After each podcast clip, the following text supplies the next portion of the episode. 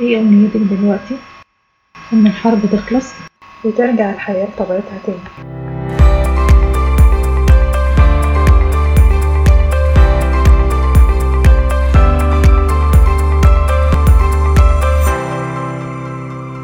السلام عليكم وأهلا بيكم. برغم واقع الأيام والصور والمشاهد والأخبار والإحباط ولكن محتاجين نخلي المعنويات عالية ومحتاجين نقاوم وبشدة المشاعر السلبية المحبطة ومحتاجين ندعم ونقوي وننشر السرديات المنطقية الصحيحة والصور والفيديوهات حتى ولو موجعة ومؤلمة لجميع أنحاء العالم.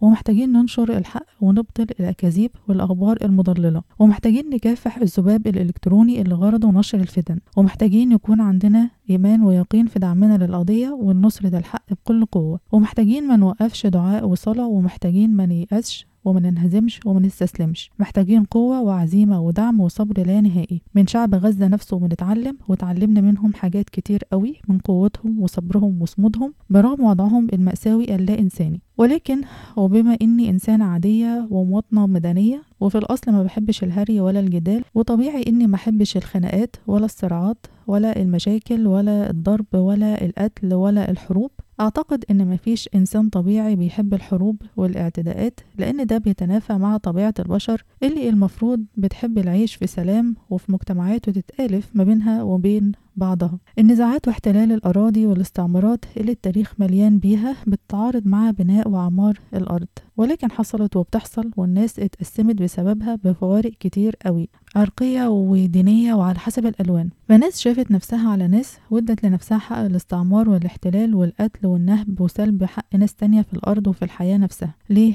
لأن الإنسان منهم من يفسد فيها ويسفك الدماء. محبطة وزعلانة وغضبانة ومشاعر سلبية كتير قوي على المستوى الإنساني. وخصوصا لما ألاقي مدني زي زيه ما عملش أي حاجة وبريء تماما بيفقد كل سبل المعيشة الأساسية. من أكل وشرب ومسكن بدون وجه حق وهو صاحب الأرض وبيتقصف فبيفقد الحياة نفسها أو مفقود تحت الركام. في كل الأحوال في فقد وفي وجع وفي فزع وخوف وفي قهر. مهما حاولنا بكل الطرق إننا نعيش عادي ونشتغل عادي ولكن حالة اليأس والإحباط والفشل والهم والغم والضغط العصبي والنفسي والجسماني الرهيب والغضب تاني بترجع تسيطر وبشدة بسبب حرب غزة وعدوان كيان الاحتلال المغتصب على الأراضي الفلسطينية. والقصف المستمر على المنشآت والمخيمات ولأن من آمن العقاب أساء الأدب فالقصف لسه شغال والضرب في المستشفيات وآخرها موقف سيارات الإسعاف قدام مجمع الشفا كاسرين كل دين وعرف وقانون دولي. ناس معدومة الأخلاق والإنسانية. مسؤول في الأونروا قال نصا إن مش هينفع يدخلوا مساعدات من غير وقود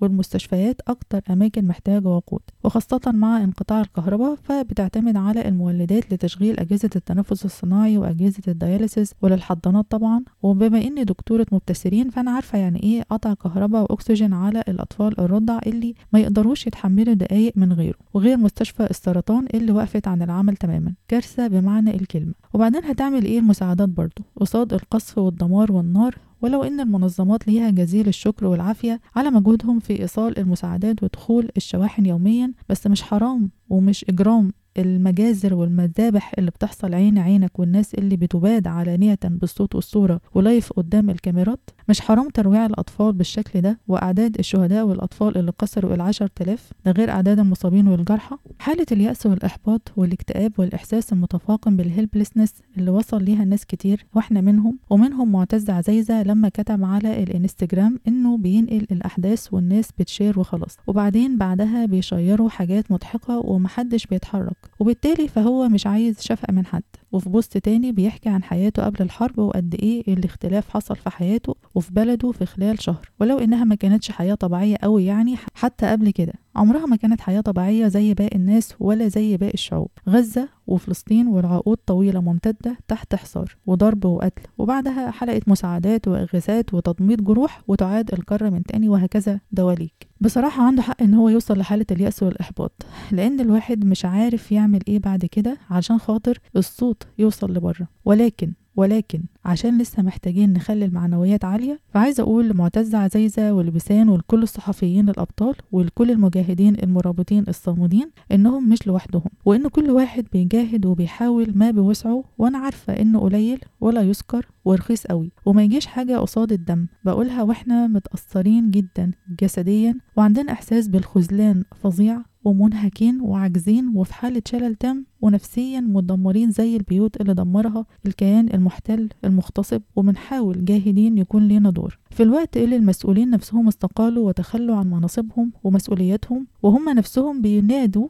بوقف إطلاق النار اللي المفروض إحنا كمدنيين نطلب منهم كده هم اللي بيطلبوا كده. مش عارفة بيطلبوا من مين. هم نفسهم ما قدروش يعملوا حاجة قصاد جرائم الحرب اللي بتحصل. مسؤول من ال UN Human Rights New York office استقال من كام يوم في عريضة من أربع صفحات ومختصر الكلام وملخصه مجمع في كلمة واحدة وهي إنه قال إحنا فشلنا. طب لما هو فشل يبقى الوضع إيه؟ ولا عشان نعرف إن مفيش حاجة اسمها حقوق إنسان ومفيش اتفاقيات أو قانون دولي. تحس إن كتير من المنظمات والمؤسسات والدول ملهمش مزاج يعترفوا بحاجة اسمها حقوق إنسان أو حيوان حتى. بيسدوا ودانهم عن الاتفاقيات وبيتجاهلوها عمدا ومش معترفين بأي قوانين دولية لأنها مش على هواهم وكأنهم مش عارفين أو مش قادرين يعملوا حاجة أو مش شايفين القصف اليومي والإبادة الجماعية الممنهجة وعملية التطهير العرقي اللي بيتم تنفيذها حرفيا دلوقتي ويوميا ولمدة شهر. لكن بعيدا عن المسؤولين والمناصب والسياسات والتحكمات فالناس العادية اللي جواهم إنسانية ووعي وهم كتير على فكرة اللي فهموا الحق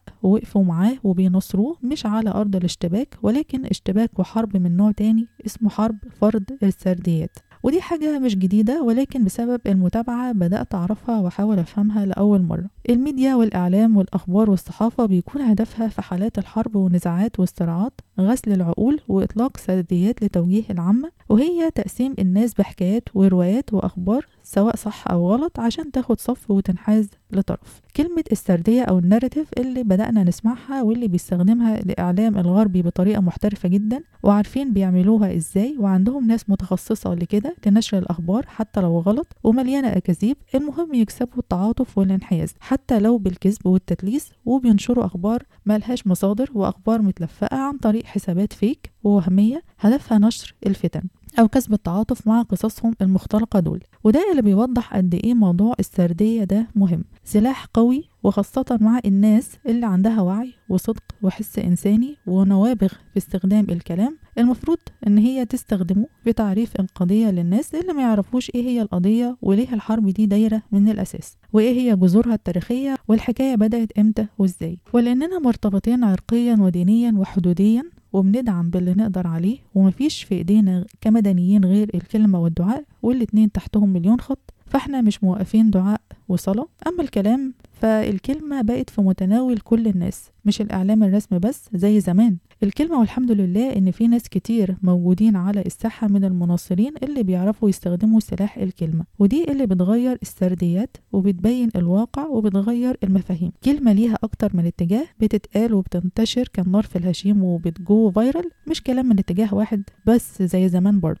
كلمة الحق محتاجة صوت عالي قوي وتكرار عشان تواجه الكذب والانحياز والبروباجندا اللي بدأت تنهار مؤخرا. السردية فهمها وتوضيحها ونشرها دي بقت في إيد الناس العادية الواعية اللي بتتقصى الحقائق والأخبار ومش بتصدق أي حاجة وبتكتب بوستات أو الأقوى إنها بتشير live صوت وصورة وبتعمل reposting للحقائق والانترفيوهات المهمة وبكلمة واحدة بتقاطع منتجات وبتجيب براندات و franchises الأرض وبكلمة بتتظاهر وبتهتف وبترفع الأعلام وبتناهض الاحتلال وجرائم الحرب اللي بيعملها تجاه المدنيين العزل سمعت عن موضوع السرديات بوضوح شامل وشرح مفسر في فيديو للمخبر الاقتصادي على اليوتيوب واليوتيوب حاليا مليان channels كتير جدا لناس عرب ومصريين بالأخص. بيقولوا كلام كتير حلو. بالنسبة للفيديو ده بيقول فيه إن واحدة من أهم المنصات حاليا واللي سامحة بنشر كل المحتوى من غير قيود أو حذف أو تضليل ومدية حرية لجميع الآراء وهي اللي كيان الاحتلال مركز عليها ومجهودات ضخمة جدا من زمان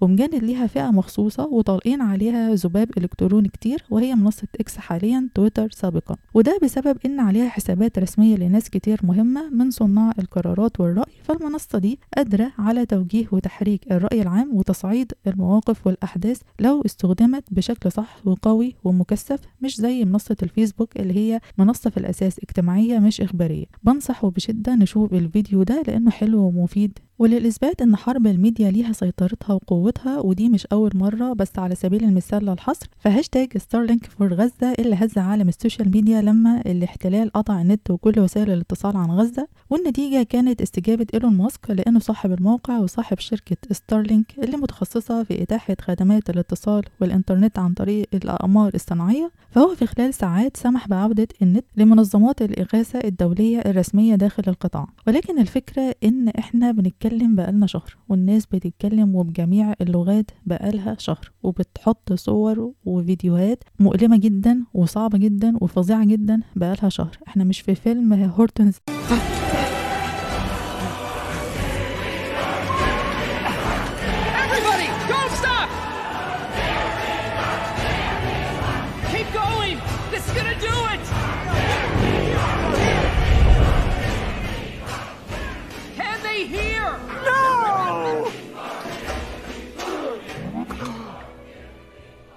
مش فاهمة محتاجين إثباتات أكتر من كده إيه والإمتى هتفضل حالة الحرب دي مستمرة؟ وهنفضل لغاية إمتى حاسين بعجز وبشلل تام بالشكل ده؟ ومحبطين وإخواتنا في غزة وأهلنا بيستشهدوا بالآلاف كل يوم من نساء وأطفال وشيوخ. ولكن ولكن الصوت قوي مع طريقة الكلام المنمقة المدعومة بأدلة وبراهين منطقية بيخلوا التعاطف والانحياز للقضية كل يوم في زيادة من جميع أنحاء العالم. وبيكشفوا كذب وزيف وادعاءات الكيان القذر وبيحطم البروباجندا بتاعته. وده اللي بيخلي الضلال والكذب والباطل والمجرم ومغتصب الأرض الحقيقي بيظهر وبيبان وبينكشف كل مدى أكتر وأكتر فبنحاول والله بنحاول جدا ما نكتئبش لأنها بدها طول نفس. وفي يقين تام بأن الصوت بيوصل وهيوصل للعالم الأصم الأبكم وهو اللي راقد تحت التراب مش أهلنا في غزة وهو اللي نايم على ودنه. وبرغم إن المدة طولت جدا وناس كتير استشهدت بس صوت على صوت بيعليه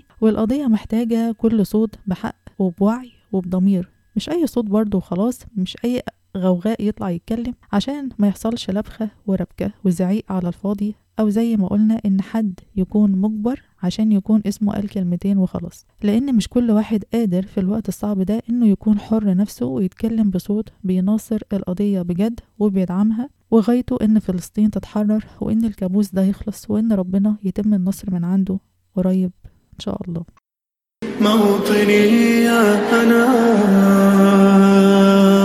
رغم كيد العدا رغم كل النقم سوف نسعى إلى أن تعم النعم. سوف نرنو إلى رفع كل الهمم. بالمسير للعلا ومناجاة القمم فلنقم